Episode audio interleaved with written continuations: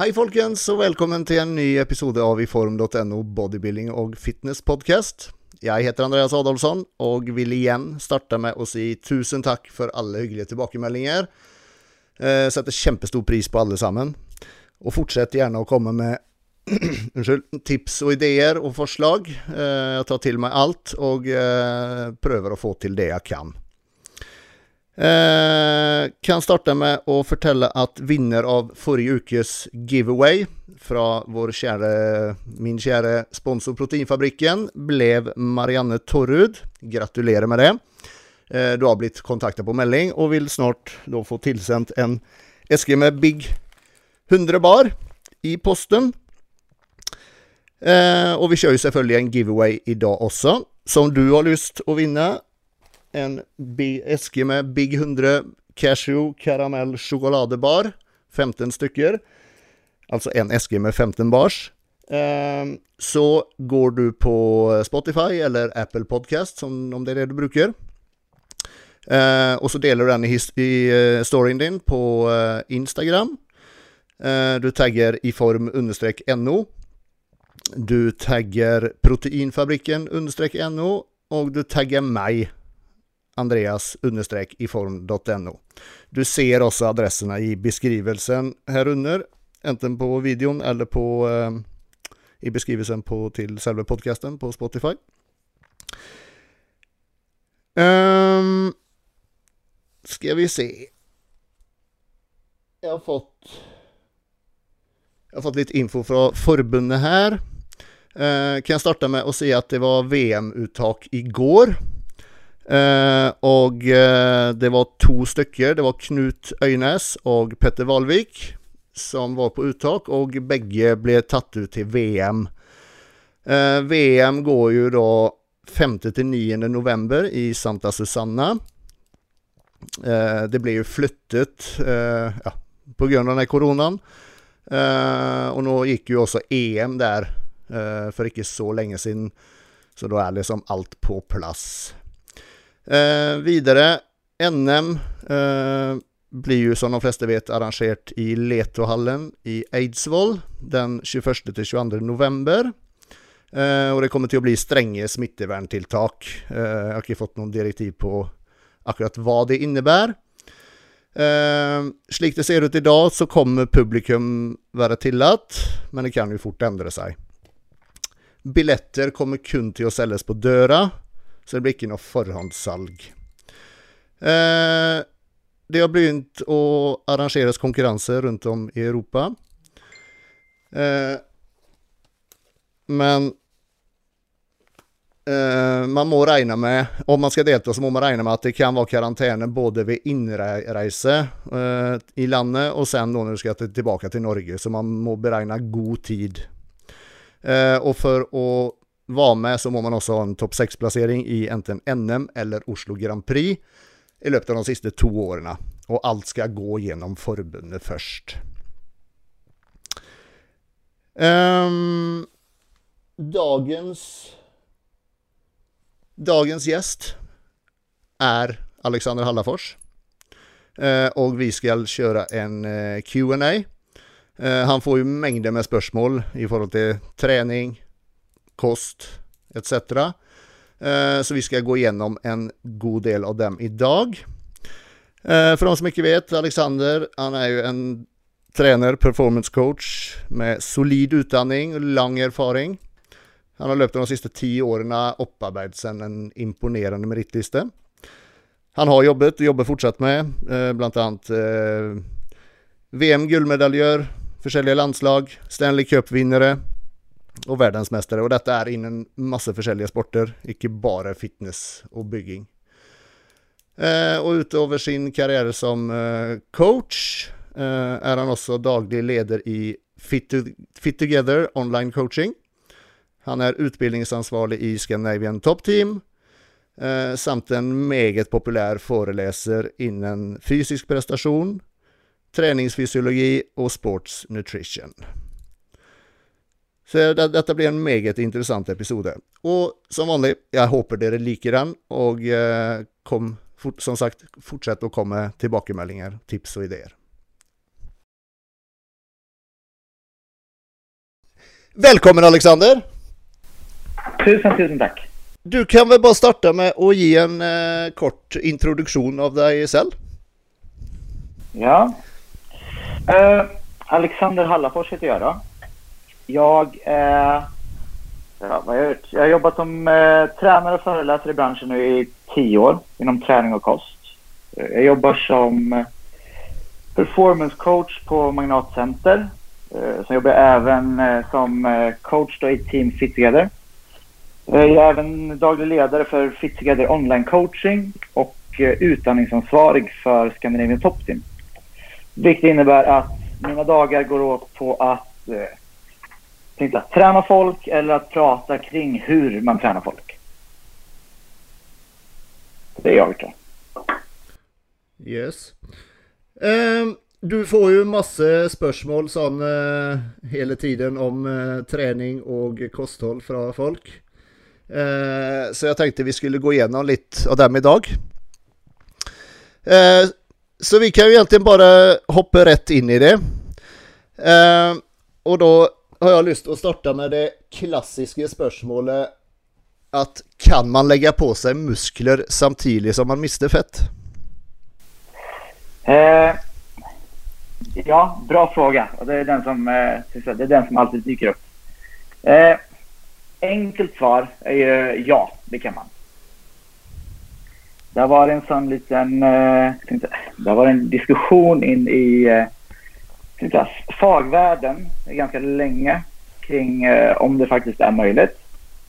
Eh, jag ska vara helt ärlig förstår inte riktigt varför. För att eh, tittar vi liksom Tittar vi ner på det som, eh, det som sker eller det som ska till för att vi ska bygga muskler så borde det inte vara något problem. För om vi gör det så här, så, eh, samt bygga muskler, det krävs det krävs tre saker för att bygga muskler. Nummer ett är att vi behöver ha byggstenar. Alltså vi behöver ha aminosyrorna, alltså ett, en, full, en fullvärdig protein, en proteinkälla. Alltså vi behöver ha proteiner. Yes. Eh, proteiner, det kan man få trots att man ligger på kaloriunderskott. Eh, vi behöver stimuli. Alltså stimuli i det här fallet är ju träning mekanisk stress, eh, stress eh, mekanisk drag, eh, metabolisk stress, alltså träningsstimuli. Det kan vi också få trots att vi ligger på ett kaloriunderskott. Eh, och sen så kommer vi till den tredje så att säga punkten eller den tredje saken vi behöver ha och det är ju energi. För det är ju så att muskelproteinsyntesen behöver ju energi, antingen från fett eller glykogen för att då sättas igång och faktiskt fungera och då vad ska jag säga, få aminosyrorna till att bygga muskler.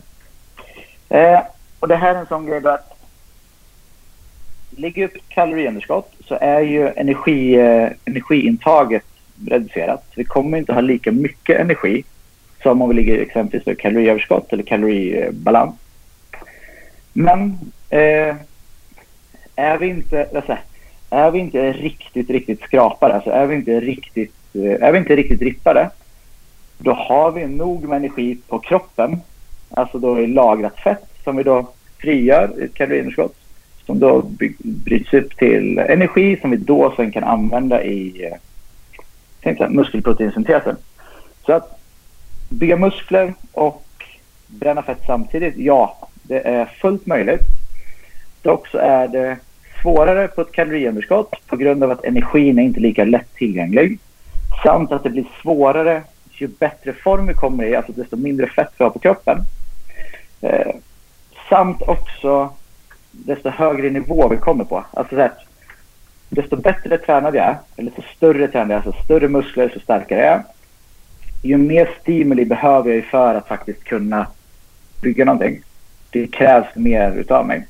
Och då kommer också den prestationsdelen i det. Att om jag begränsar kaloriintag, alltså att jag faktiskt lägger ett kaloriunderskott, så kommer då potentiellt min prestation på träningen gå ner.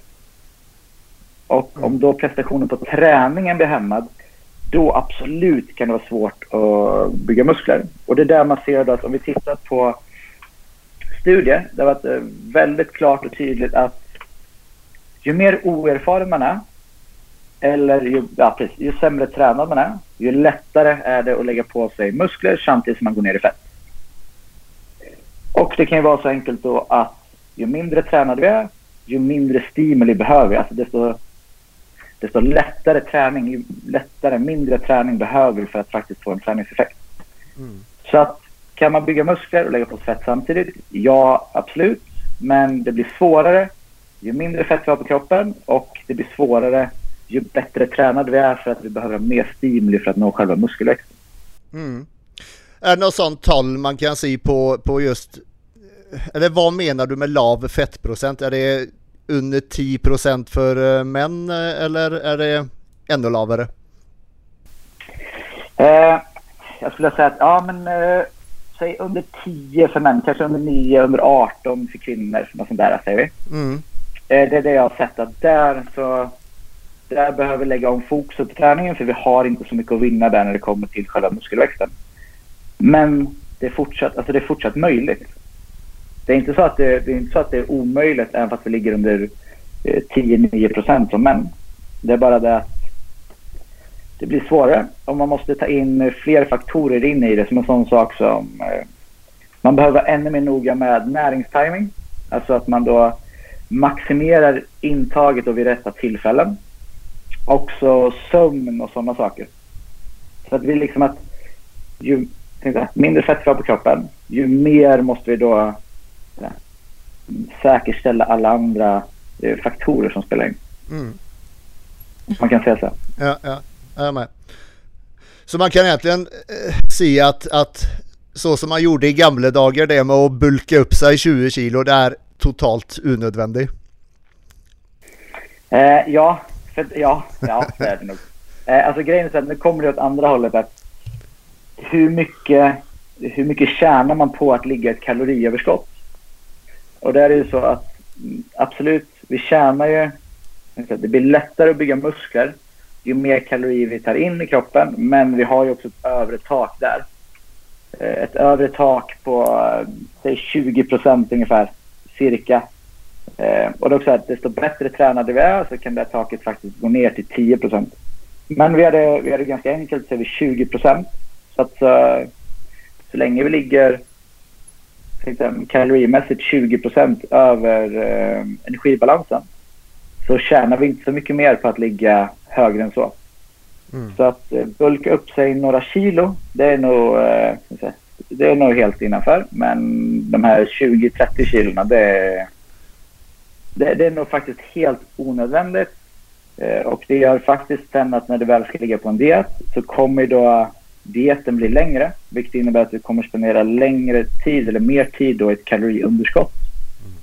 Som då inte är säga, optimalt för muskelväxten. Mm. Mm. Känner. Vi går vidare. Um... Hur mycket, hur mycket träningsvolym tränger man egentligen för muskelväxt? Yes. Eh, hur mycket man tränger och vad som är... Eh, hur mycket man tränger för att få muskelväxt och hur mycket som trängs för att maximera muskelväxten. Mm. Eh, det är två olika saker som är rinda. Vad som krävs för att uppnå muskelväxt är säga, ganska lite. Men det är inte många som är ute efter att bara nå muskelväxt utan vi vill ju snarare maximera muskelväxten. Och då blir det lite mer säga, komplicerat. Vi har såna här, eh, vad ska jag säga, eh, det finns, det finns lite standardsiffror, det finns lite standardrekommendationer träningsvolym, hur mycket som är eh, optimalt för eh, muskelväxt eller vad som, hur, vi då, hur mycket vi behöver träna för att maximera muskelväxten. Det är så att vi har då vad vi ska kalla, eh, ska kalla det, eh, minimum effective dose eller minimum effective volume. Alltså hur lite vi kan träna men fortsatt generera en, eh, en volym eller generera en muskelväxt. Eh, och sen så på andra sidan spektret så har vi då en eh, eh MRV, alltså Maximum Recoverable Volume. Så hur mycket man kan träna för att uppnå muskelväxt är någonstans däremellan. Vi har sådana här standardsiffror. Eh, nybörjare så kan man träna upp till 10 set eh, per muskel per vecka. Eh, lite mer avancerad, någonstans mellan 10 och 20 per vecka. Eh, och eh, då erfaren eller ännu mer avancerad 20 plus. Eh, så att de siffrorna funkar ganska bra så länge man är nybörjare upp till medel, skulle jag vilja säga. Så funkar de siffrorna väldigt bra att förhålla sig till. Eh, det som händer sen efter det, det är att eh, de siffrorna, tänkte jag, de försvinner lite grann.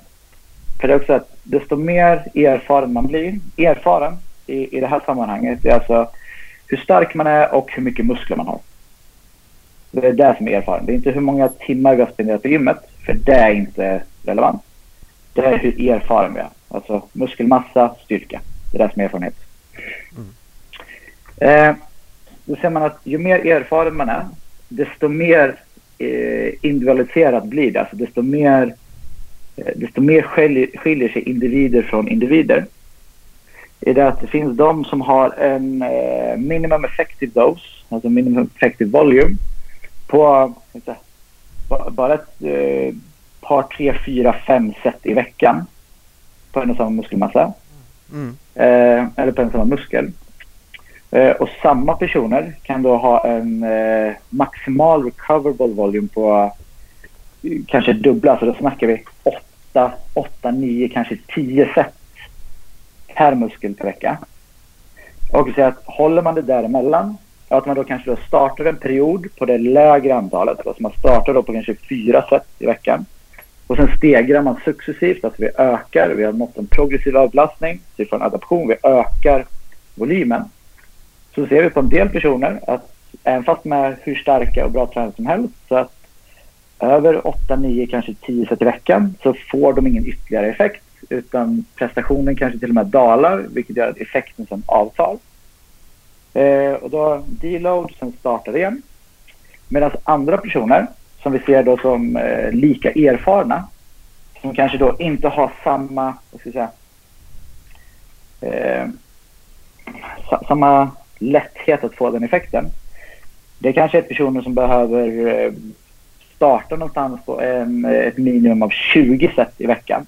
Alltså startposition är nästan fyra gånger så mycket som vi startar. Så vi kanske startar på fyra set i veckan per muskel. Då. Och sen faktiskt då klättrar upp över, att vi har ett minimum på 20 set och vi klättrar faktiskt uppåt mot 35-40 set eh, i veckan på en och samma muskel. För att då faktiskt nå, eh, om vi tittar på samma resultat. Mm. Så att eh, hur mycket som krävs för att maximera muskelvolymen är väldigt individuellt. Eh, det man måste göra, det man måste starta och så måste man se vart man svarar bäst.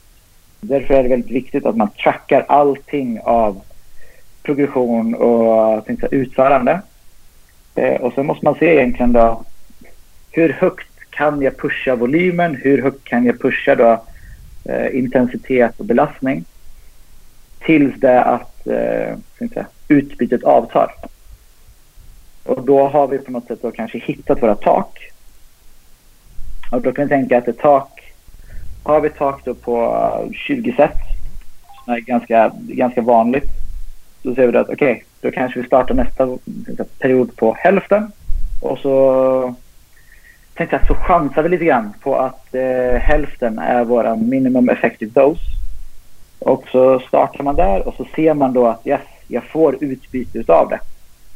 Okej, okay, perfekt. Då, då klättrar vi upp över. Då kör vi på därifrån. Ser man att vi ligger på 10 set och vi faktiskt inte får något utbyte av det, då är det dags att hoppa upp en bit upp.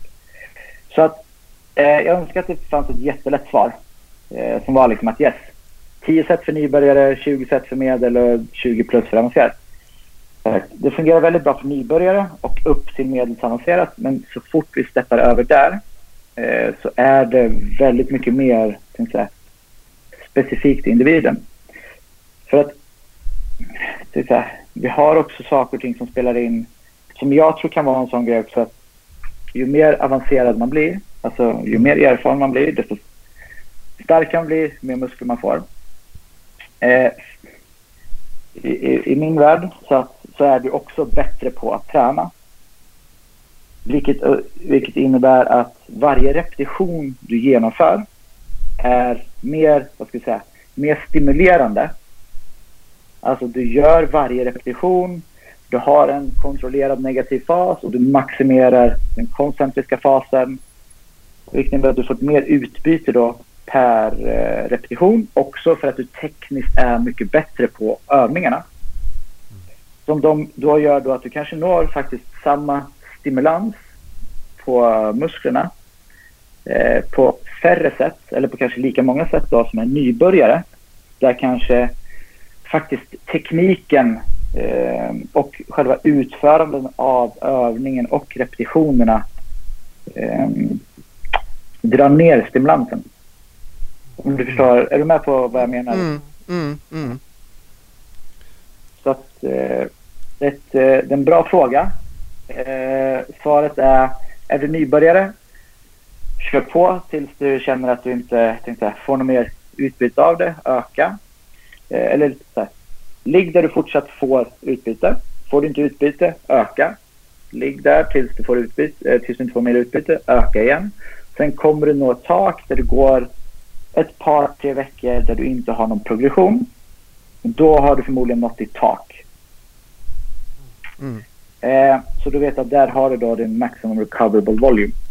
Eh, saker och ting som eh, också spelar in där är ju alltså kost har jättemycket att spela in. Eh, sömn. Eh, hela tänkte livssituationen runt omkring med stress och liknande påverkar också återhämtningen och då påverkar hur mycket utbyte du kan få eller hur mycket, hur mycket du kan pusha kroppen innan du har gått förbi kroppens förmåga att faktiskt kunna återhämta sig. Mm. Eh, och då med tanke på den volymen som du nämner här nu. Eh, då är det icke tänkt att man kör varje set till failure, räknar jag med? Eh, nej. Eh, att, att nå failure behöver nästan undvikas så ofta som möjligt. Eh, eller i alla fall majoriteten av tiden. Eh, anledningen till det är att failure, alltså så här, om vi har, vi leker med begreppet eh, effektiva repetitioner. Alltså repetitioner som du faktiskt får ett, eh, en full aktivering i muskeln och du maximerar utbytet av eh, du maximerar stimulansen, maximerar utbytet av repetitionerna. Så vi brukar säga att eh, du får det... Ligger du över 80 procent ungefär av dina repetitioner eh, på max, av maxbelastning. Alltså kör knäböj med 85 procent av eh, ditt maxlyft. Den vikt. Så kommer du få effektiva repetitioner från och med repetition 1. Alltså så att alla repetitioner du gör från det att du faktiskt rackar av stången kommer vara effektiva repetitioner. Mm. Eh, så även om du klarar av att göra fem repetitioner där, eller kan, vi kan säga att du klarar av att göra sex repetitioner med 80 procent. Vilket gör att första repetitionen, även om den är sex repetitioner från failure så att säga, så kommer du fortfarande få maximalt utbyte av dem. Nästintill. Eh, samma sak då med repetition 2, 3, 4, 5 och 6. Eh, om du hoppar upp på lättare vikter, så att vi ligger på 50 av eh, max RM, där du kommer upp i 20 plus repetitioner. Så har vi fortsatt de fem repetitionerna som är i slutet som vi kallar då effektiva, vilket innebär att om du klarar 25 repetitioner så är det då repetition 20 till och med 25 som vi ser att vi har en maximal, eh, eh, maximal aktivering. Alltså vi uppnår maximalt mekaniskt drag, vi har full aktivering av muskeln. Eh, vi får mest, eh, utveckla mest stimulans, får mest utbyte av det. Och då är det så att hade jag klarat 25 repetitioner och jag får utbyte av alla från och med 20 till 25 så vet jag att om jag då stannar på exempelvis repetition 23 så har jag fortfarande fått tre stycken effektiva repetitioner. Mm. Jag ska tänka på att de 20 innan inte är bortkastat men jag försöker göra det lite mer så, uh, enkelt att förstå. Uh, att du har fortsatt tre effektiva repetitioner som du tar med dig.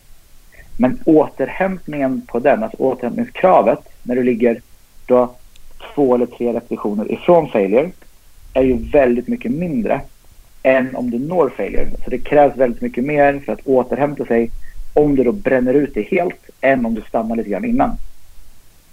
Så tittar vi då på träningsvolymen och träningsprestationen sett över ett helt pass eller över en hel vecka så kommer du förmodligen få mer kvalitativa sätt och faktiskt mer kvalitativa repetitioner på stor sikt om du inte går till failure i varje repetition eller i varje set.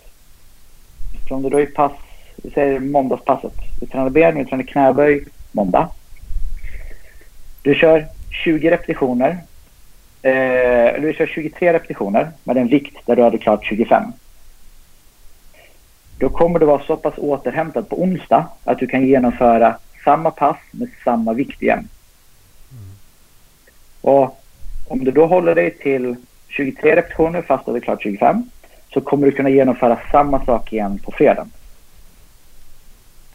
Men om du då på måndagen istället inte hade stoppat på 23 utan du hade kört upp hela vägen till 25 vilket innebär att återhämtningen hade, eller återhämtningskravet hade varit så stort så att på onsdag när det är dags att köra knäböj igen så hade du inte klarat av att göra de 23 repetitionerna.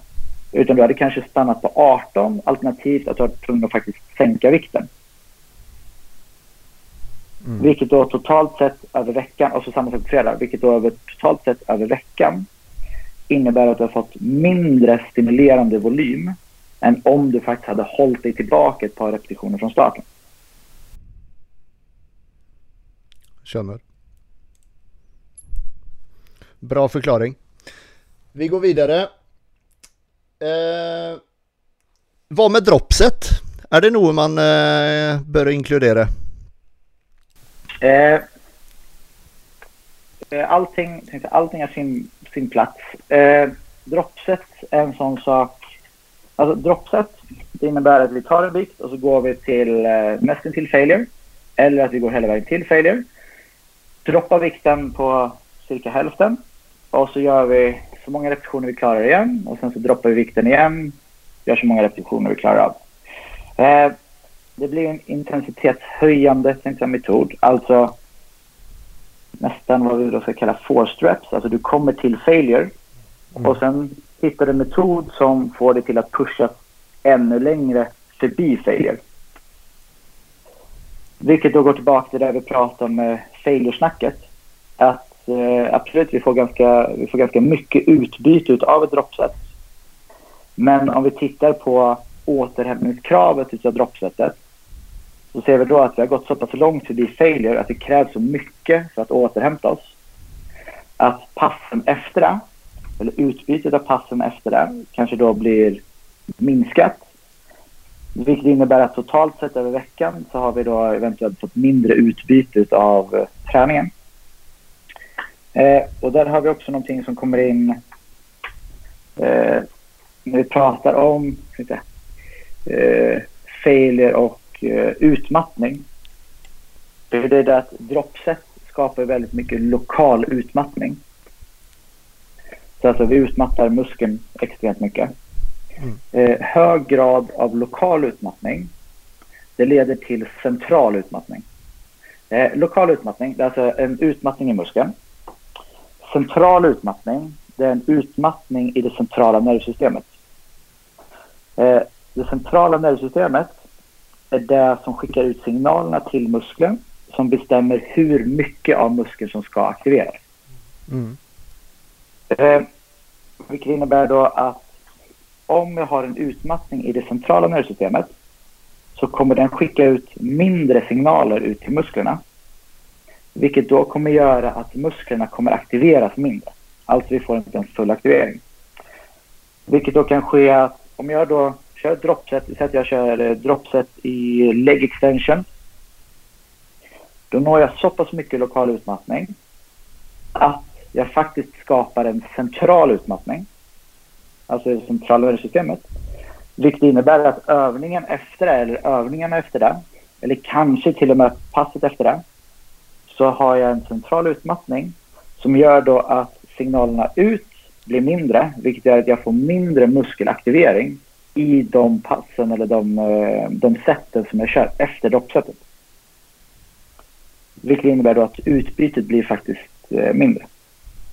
Eh, så att eh, när det kommer till eh, träningsprogram så är jag eh, ett fan av att få in droppset i perioder där vi vill nå kanske en overreach, alltså säg eh, veckan innan en deload eller liknande.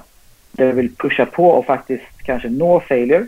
Men eh, vi har inte alltid i världen så att säga till dig att köra tre set i failure. Det tar så pass lång tid att då säga till dig att nej, kör ett set i failure och så kör vi dropset efter det. Minimera tiden men vi når fortsatt failure så att vi når samma effekt. Eh, men då vill jag ju fortsatt att du då tar ledigt kanske då veckan efter. Eller att vi får någon deload så att inte prestationen efter det blir eh, påverkad. Känner, känner. För, för eh, det, det är någonting som du plejer att göra då sista uka inför en deload att, att du har folk till att köra en eh, väldigt nära failure då? Eh, ja, eh, innan deload så är det faktiskt att då kan man pusha folk hela vägen till failure. Mm. Eh, på grund av då att eh, återhämtningskravet kommer ju som sagt stiga väldigt. Men eftersom att du kommer gå in i deload så kommer du en hel vecka på dig att återhämta dig innan man då går in i nästa period. Mm. Så att eh, du kan då potentiellt få någon procent eller något procent utbyte extra utav den sista perioden. Så att man mm. inte stannar. Eh, jag ser det som onödigt att stanna innan man har nått så att säga, eh, toppen. När vi har det som vi pratade om förut med maximum recoverable volume. Mm. Vi vill ju faktiskt upp och pusha på den ordentligt innan vi tar en deload. För är vi inte hela vägen upp så finns det inte riktigt någon, eh, det finns inte riktigt någon anledning att ta deload och sen om vi tar deload en dag så har vi nästan kastat bort faktiskt någon procent eh, träningseffekt. Mm, mm. Jag är med. Eh, och där på tal, på tal om eh, utmattning, central utmattning och lokal utmattning. Är det stor forskel på övelser där? Vilka övelser som ger mest utmattning? Om du då sammanlignar för exempel knäböj, beinpress och, och beinspark för exempel då? Eh, ja, det är det. Eh, central utmattning och lokal utmattning. Det är, ett sånt, eh, det är sådana begrepp som ofta blir lite missförstådda. Eh, för att det går en sån här liten, eh, ska säga, det går en liten myt eller man är lite, eh, man har missförstått begreppet lite grann och så, så, tänker man att stora komplexa övningar som exempelvis då knäböj eh, leder till mer central utmattning än exempelvis då eh, benspark. Eh, fortsätter det exemplet. Mm. Eh, och där man alltid hört att folk som, de kör knäböj och marklöst och säger de att shit, centrala nervsystemet har brunnit, jag måste ta paus idag. Det, det, det har alla hört. eh, och det blir faktiskt, eh, det, det, blir faktiskt helt fel. Eh, för alltså, det som leder till central utmattning är lokal utmattning. Alltså, eh, jag når failure, eller jag når för mycket failure med för mycket volym lokalt i en och samma muskel. Som sen då skapar central utmattning. Vilket innebär då, vi tar leg extension och vi tar knäböj. Och målsättning nu, eller muskeln vi pratar om är framsida lår, alltså quadricepsgruppen. Då är det så att en, eh, en knäböj är så pass mer komplex, den är så pass, så pass stor. Det är så många moment som spelar in. Alltså det är balans, det är koordination, det är teknik. Eh, det är även det mentala. Du behöver vara bra mycket mer uppumpad i huvudet. Alltså lyssna på Rammstein och tagga till ordentligt när du kör knäböj än när du kör benspark. Mm. Eh, vilket gör att när du väl kör knäböjet så kommer du sluta när du är utmattad. Men det är väldigt sällan som den begränsande faktorn, alltså det som stoppar dig i ett knäböj, är utmattning i framsida lår. Mm. Det är väldigt sällan som det är quadsen som, alltså utmattningen i quadsen som stoppar dig. Utan det är oftast mer en, eh, vad ska jag kalla det, en systemisk utmattning. Alltså att eh, tekniken failar eller eh, du tappar tajmingen för att du blir sliten i huvudet. Koncentrationsförmågan försvinner, koordination, balans. Det är mer då en, en systemisk utmattning. Hela systemet kraschar. Mm. Så att du blir fortsatt sliten, men det är inte framsida lår, alltså det är inte quadsen som är helt och fullt utmattade. Vilket i en leg extension, det vet vi att det är så pass, det är så pass enkelt att genomföra den. Du sätter dig bara ner, du behöver inte tänka på någonting. Du bara sitter och så sparkar du på fram till att det brinner så mycket i framsida lår att du inte klarar att få upp benet mer. Där har vi då i leg extensions nått en lokal utmattning till högre grad än vad vi faktiskt har gjort i knäböjet.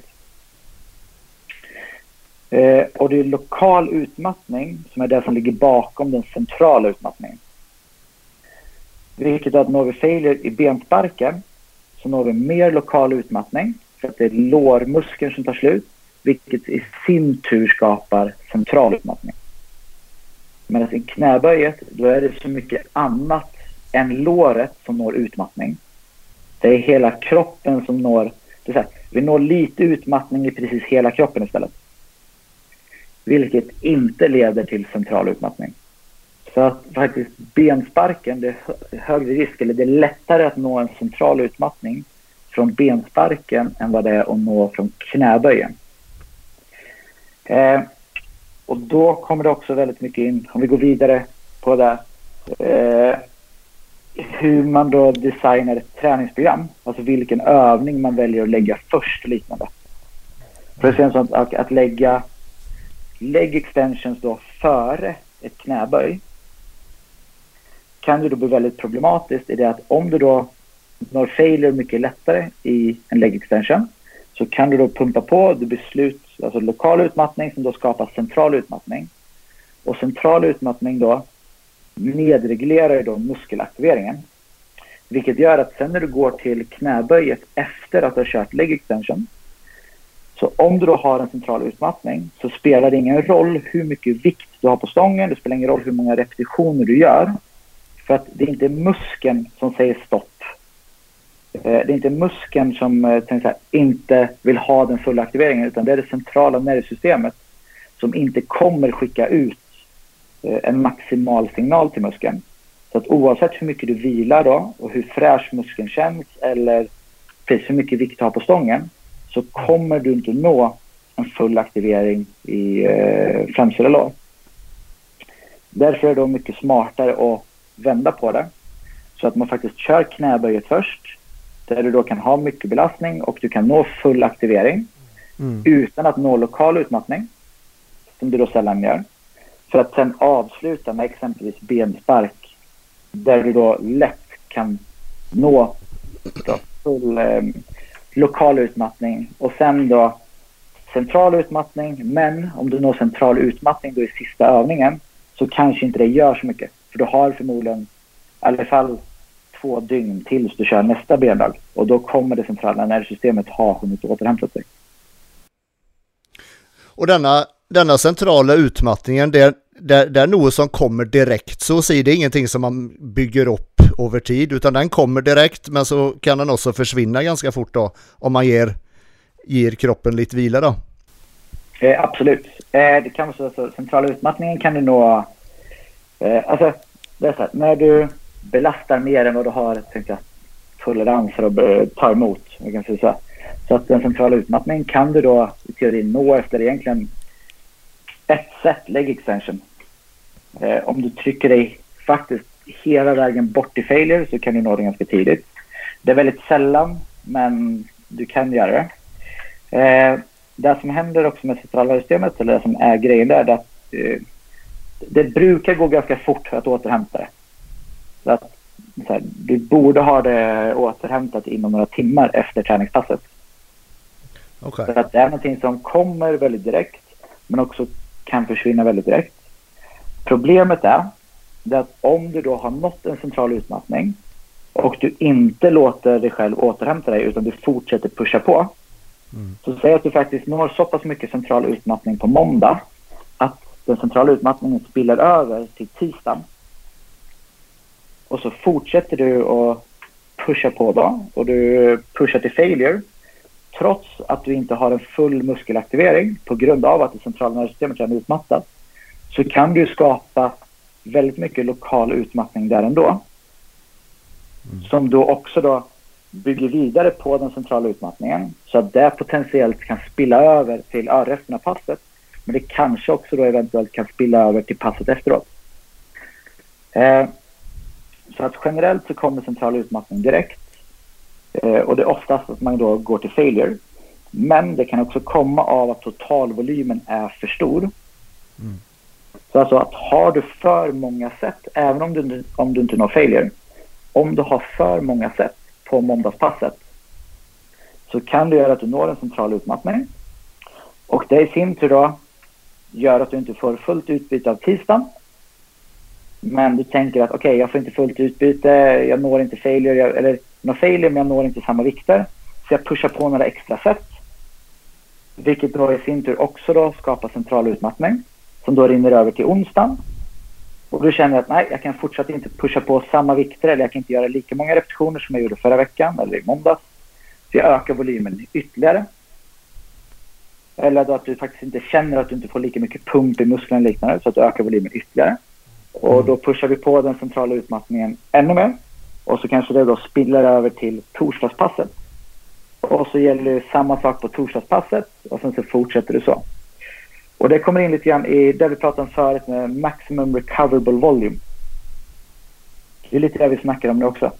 Att mm. du har ju en maxvolym som kroppen klarar att ta hand om. Mm. Går du över den så kommer du få, alltså prestationen kommer stoppa till eller potentiellt även också gå neråt på grund av att återhämtningen inte blir eh, optimal. Eh, och det är någonting man ser väldigt ofta för personer som eh, stagnerar Alltså de får inte så mycket mer utbyte av träningen. De kanske har startat på en eh, minimum effective volume och så ökar de, ökar och ökar och ökar. För de säger att ah, men jag får mer utbyte så jag ökar, jag får mer utbyte, jag ökar, jag får mer utbyte, jag ökar. Mm. Men så, så kommer de till en punkt där de faktiskt inte får mer utbyte från träningen.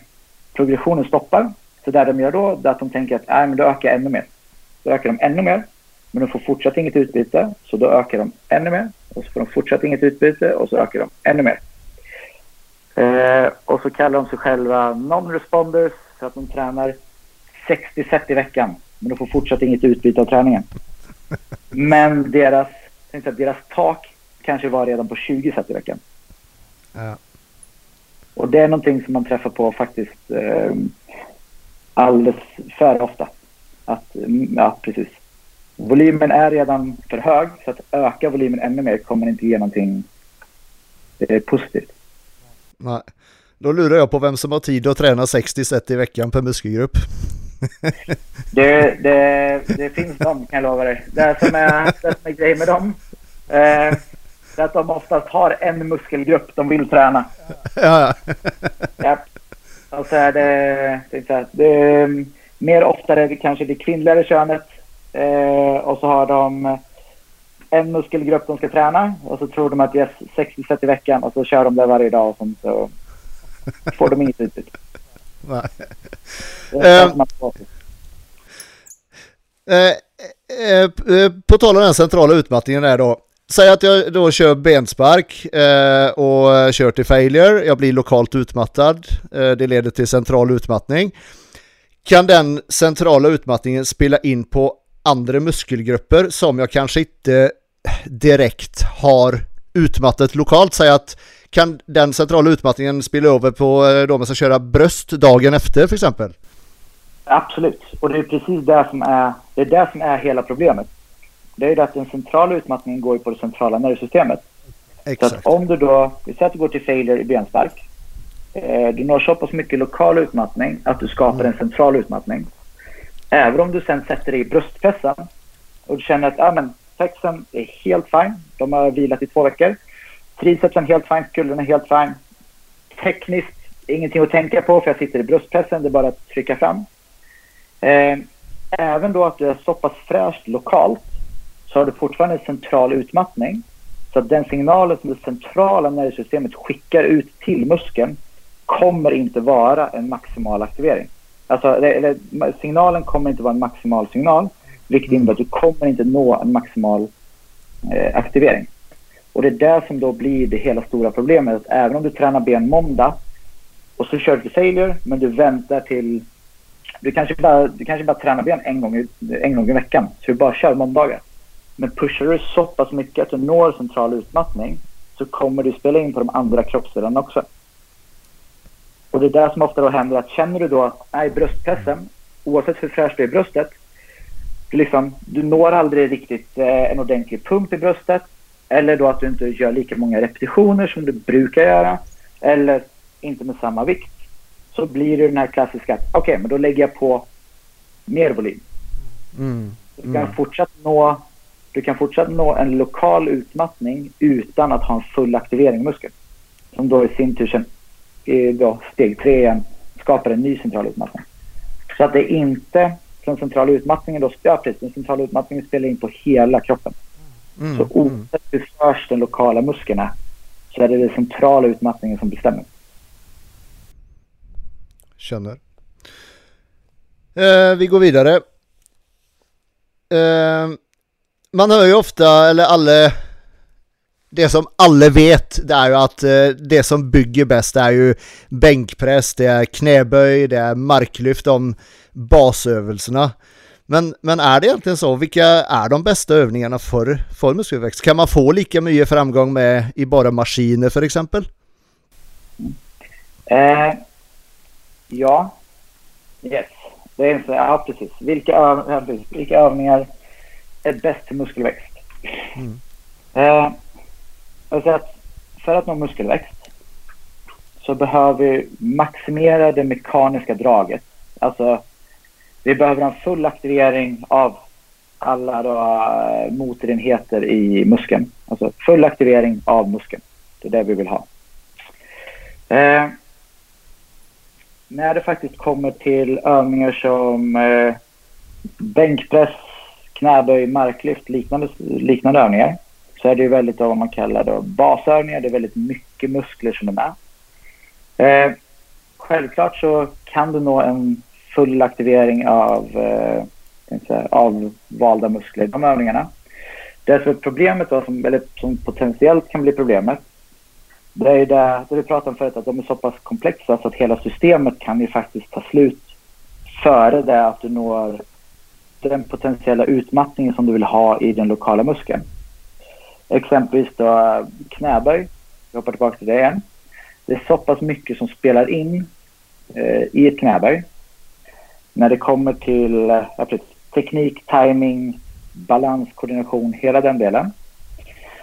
Som faktiskt då kan äta bort ifrån den eh, så att säga, lokala, den lokala stimuleringen då av, eh, av muskeln. Eh, så att det finns ingenting egentligen på så vis som säger att, då att de här klassiska basövningarna ska vara bättre än övningar i apparat. Övningar i apparat kan du faktiskt då sätta dig ner. Du kan få kanske då potentiellt en högre aktivering i muskeln lättare. För att du har en bättre teknik eller ett bättre tekniskt utförande. Det som ofta är med apparater, så, det är att de är väldigt isolerade.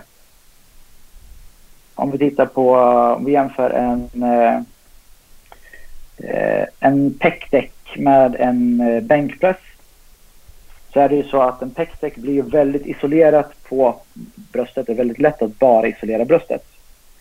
Medan en bänkpress, har du en tung bänkpress, du kommer ner och pressar upp. Det blir ju en mer aktivering då, eller mer ja, stimulering för skuldror och triceps och eh, mus muskulaturen även i hela säga, bröstkorgen. Eh, så att det är väldigt mycket mer muskler som får stimulering. Men då kanske inte lika lika hög grad av stimulering som om man hade gjort dem isolerat. Så att det jag kan säga då är att eh, bänkpress kontra en pekdeck, det kan funka lika bra att få ut då, eh, inte, bygga muskler, alltså att nå muskelväxt. Det var förmodligen det att pekdäcket är så isolerat på bara bröstet medan bänkpressen tar så mycket mer i överkroppen. Vilket gör att du behöver förmodligen köra fler set bänkpress för att nå muskelväxt specifikt i bröstet än vad du kan göra om du kör pekdäck. Då kan du förmodligen köra färre set. Men du behöver nog då, om du kör pekdäck, köra fler set, alltså en högre volym på exempelvis då skulder och triceps isolerat. Än om du hade kört bänkpress. Mm. Så det med, alltså, skillnaden på de klassiska basövningarna och apparater, är att basövningarna så får du väldigt, väldigt mycket mer med. Kanske inte samma aktivering på den specifika muskeln, men du får så pass mycket mer med. Så att du inte behöver göra så mycket annat än bänkpressen. Du kan bygga, så vi, har sett, vi har sett folk som har byggt um, riktigt bra triceps egentligen med bara bänkpress. Vi har aldrig sett någon bygga bra triceps av bara pekdäck. Ja, det är sant. Men pekdäck och ändå en franskpress till exempel behöver inte vara sämre än eh, en bänkpress. Så jag tror att apparater har fått ett eh, lite oförtjänt dåligt rykte. Speciellt när det kommer till muskelväxt. Um, så det finns absolut ingenting som säger att apparater inte ska kunna bygga muskler lika bra som uh, klassiska basövningar. Uh, det som också kan vara potentiellt i fördel för uh, apparater det är det att du har förmågan att kunna isolera de muskelgrupper som du vill då mer specifikt. Mm. Att har du exempelvis att du vill bygga du vill bygga mer hamstring men du har redan en stor rumpa så att du vill inte lägga så mycket fokus på rumpan. Rumänska marklyft, stor basövning. Där får du med både rumpan och hamstringen.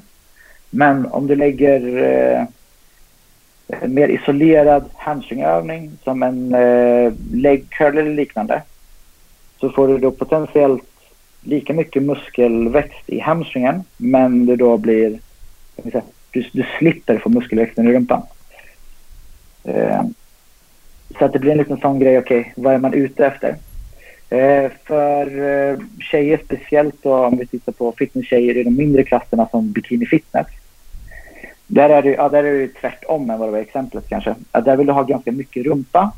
Du vill ha mycket rumpa.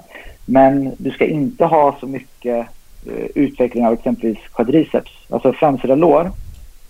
Eh, rumpan ska nästan vara lite överdimensionell kontra framsida lår. Om jag gör det lite enkelt sagt. Det är inte, det är inte helt så, men vi gör det väldigt enkelt. Mm. Um, vilket innebär att övningar som eh, knäböj och stora övningar eh, där du får då väldigt mycket med kanske inte är det absolut bästa. Du kanske får mer utbyte av eh, säga, muskelbyggnaden av rumpan i ett knäböj än exempelvis en hip thrust. Men i ett knäböj så får du också med stimulansen på exempelvis då framsida lår som du inte får i en hip thrust. Så att är du då ute efter att isolera en övning eh, eller isolera en muskel specifikt och vill undvika stimulans på andra muskler så är det en hip thrust kanske då bättre än ett klassiskt då baslyft som eh, knäböj. Samma sak eh, om vi kopplar in marklyft. Att vi som eh, i bikini fitness kanske inte vill ha samma eh, stimulans i övre ryggen då som vi får från ett marklyft. Så då kanske det är mer relevant att ha en eh, benpressvariant där du inte behöver så att säga, använda övre delen av ryggen. Mm. Så, att du, så att du slipper stimulansen där. Eh, så att det kan fylla en funktion då om du vill undvika att få stimulans av vissa muskler. Så då kan ju då apparater eller eh, vad ska jag säga, apparater eller övningar som då inte klassas som de vanliga basövningarna kan då vara um, värda att utnyttja. På samma sätt om, eh, om vi kommer tillbaka till det här med eh, utmattning. När vi pratar om eh, central utmattning och lokal utmattning och så nämnde jag också systemisk utmattning, alltså att vi blir trötta i hela systemet.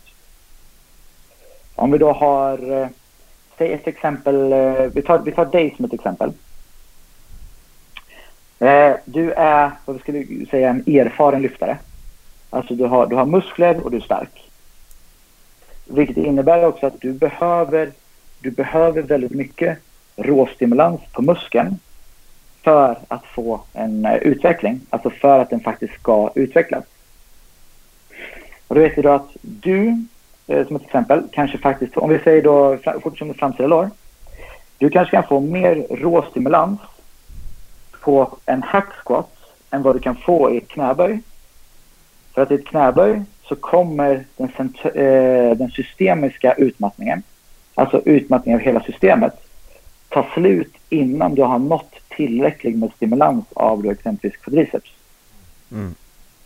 Så för, för dig som ett exempel som är erfaren så kanske du måste vända dig mot en hack squat för att få tillräckligt mycket utbyte av eh, varje repetition och varje set kontra en knäböj.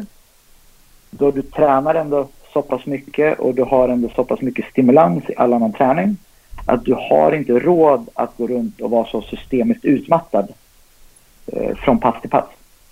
Mm. Så du måste faktiskt isolera det. Mm.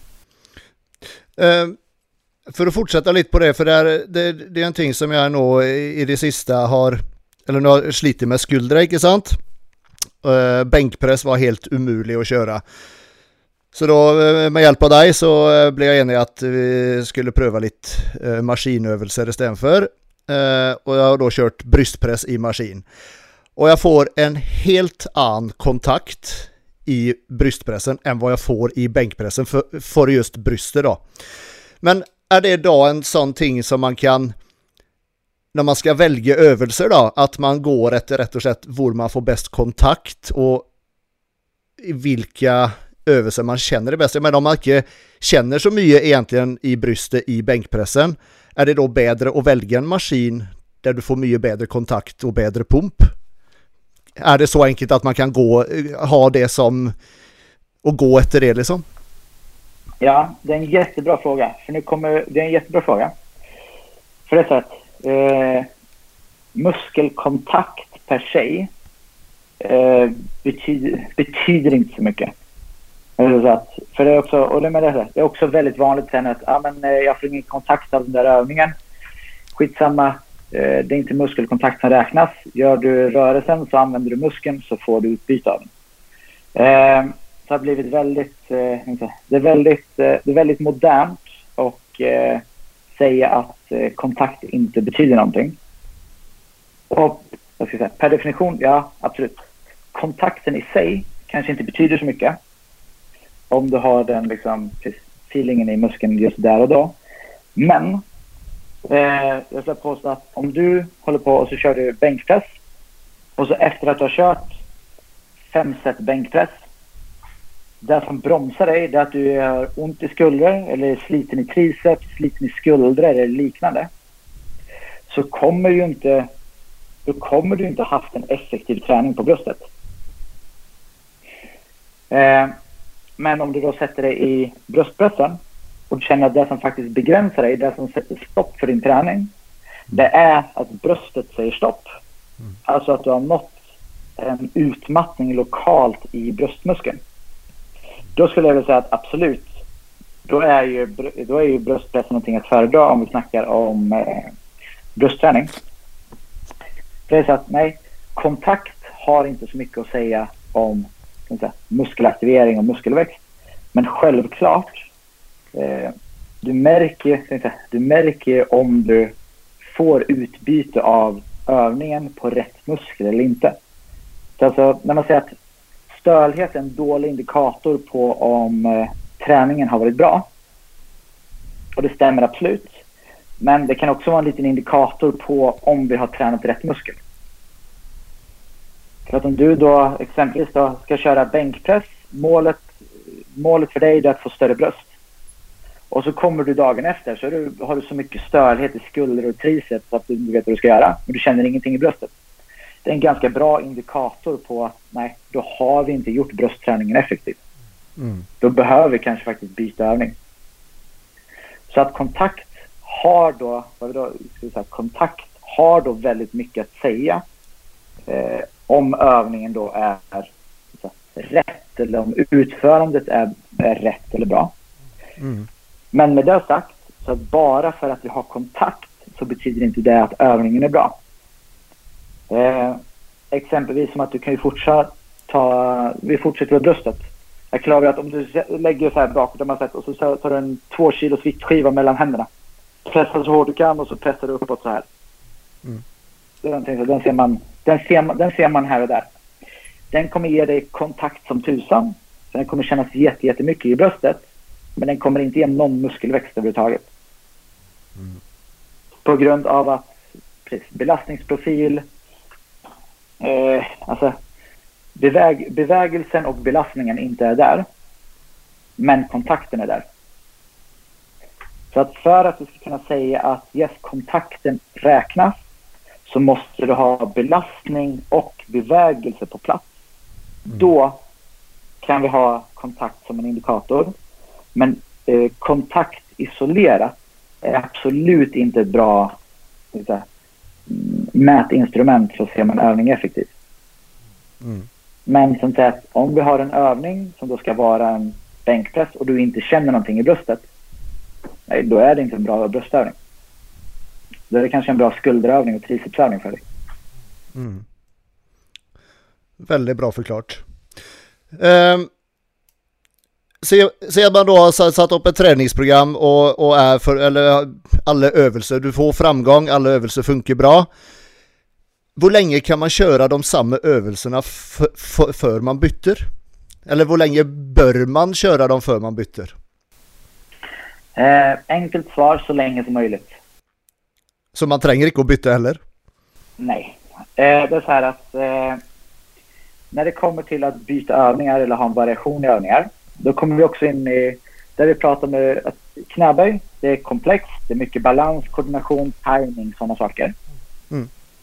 Du vet ju, så fort du har bytt övningar, du sätter in och du testar en ny övning. En sån sak att eh, ska du helt plötsligt testa en ny variant av knäböj eller en ny, uh, ny benmaskin på gymmet så är det väldigt sällan som att det är rätt muskel som får det till att ta slut utan det är oftast då den systemiska utmattningen. Mm. För att du måste helt plötsligt sätta ihop dig och det är liksom det, det är så pass komplext, det är så pass nytt så det, koordinationen är off, timing är off.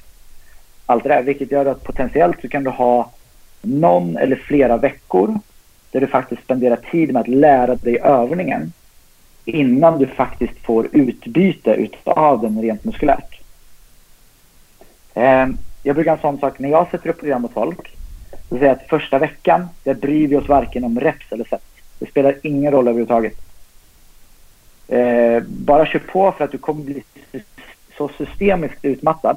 Så att det kommer inte vara musklerna som säger stopp. Det kommer vara huvudet, koordinationen, balans, timing och sådana saker. Eh, och det är där då som händer att så fort du går in på nya övningar så har du då potentiellt en, en invändningsprocess eller du har en, eh, du har en period där du måste lära dig övningen och utföra den till att utföra den effektivt innan du sen faktiskt får ett muskulärt utbyte av den. Så att enkelt svar är att du vill variera så lite som möjligt. Absolut. Faktiskt. Du, ja, precis. För att då få maximal... Okay. Likadant att du vet ju att du får ju mer utbyte av eh, en övning som du är tekniskt riktigt bra på, du kan, tajmingen sitter där, allting är helt perfekt, så får du mer muskulärt utbyte av det än en övning som du inte är så duktig på tekniskt eller koordinativt. Eh, men med det sagt också så måste vi tänka på att olika övningar eh, fyller olika funktioner eller är olika lämpade för olika perioder i träningen. Mm. Att är vi ute efter att du har en period där vi ska bygga isolerat bröst om vi säger så, och du har en eh, hypertrofifas. Då vill vi att då ska du hitta den övningen där du då kan tänka där, där du tekniskt är mest effektiv. Och så använder vi den övningen för att träffa bröstet. Och sen så försöker vi inte variera den någonting överhuvudtaget. Vi byter aldrig ut den förrän vi är färdiga med perioden. Men om vi sen kommer in i en period som vi då vill ha mer som en styrkefas. Då kanske inte den bröstpressen är eh, det mest optimala. Utan då kanske vi måste gå till en eh, hantelbänkpress eller manualbänkpress eller liknande. Mm. Som kanske ger oss en mer neuromuskulär vinning åt styrkehållet. Så att övningar, eh, byt ut dem så sällan som möjligt. Helst håll samma övningar så, så mycket det bara går.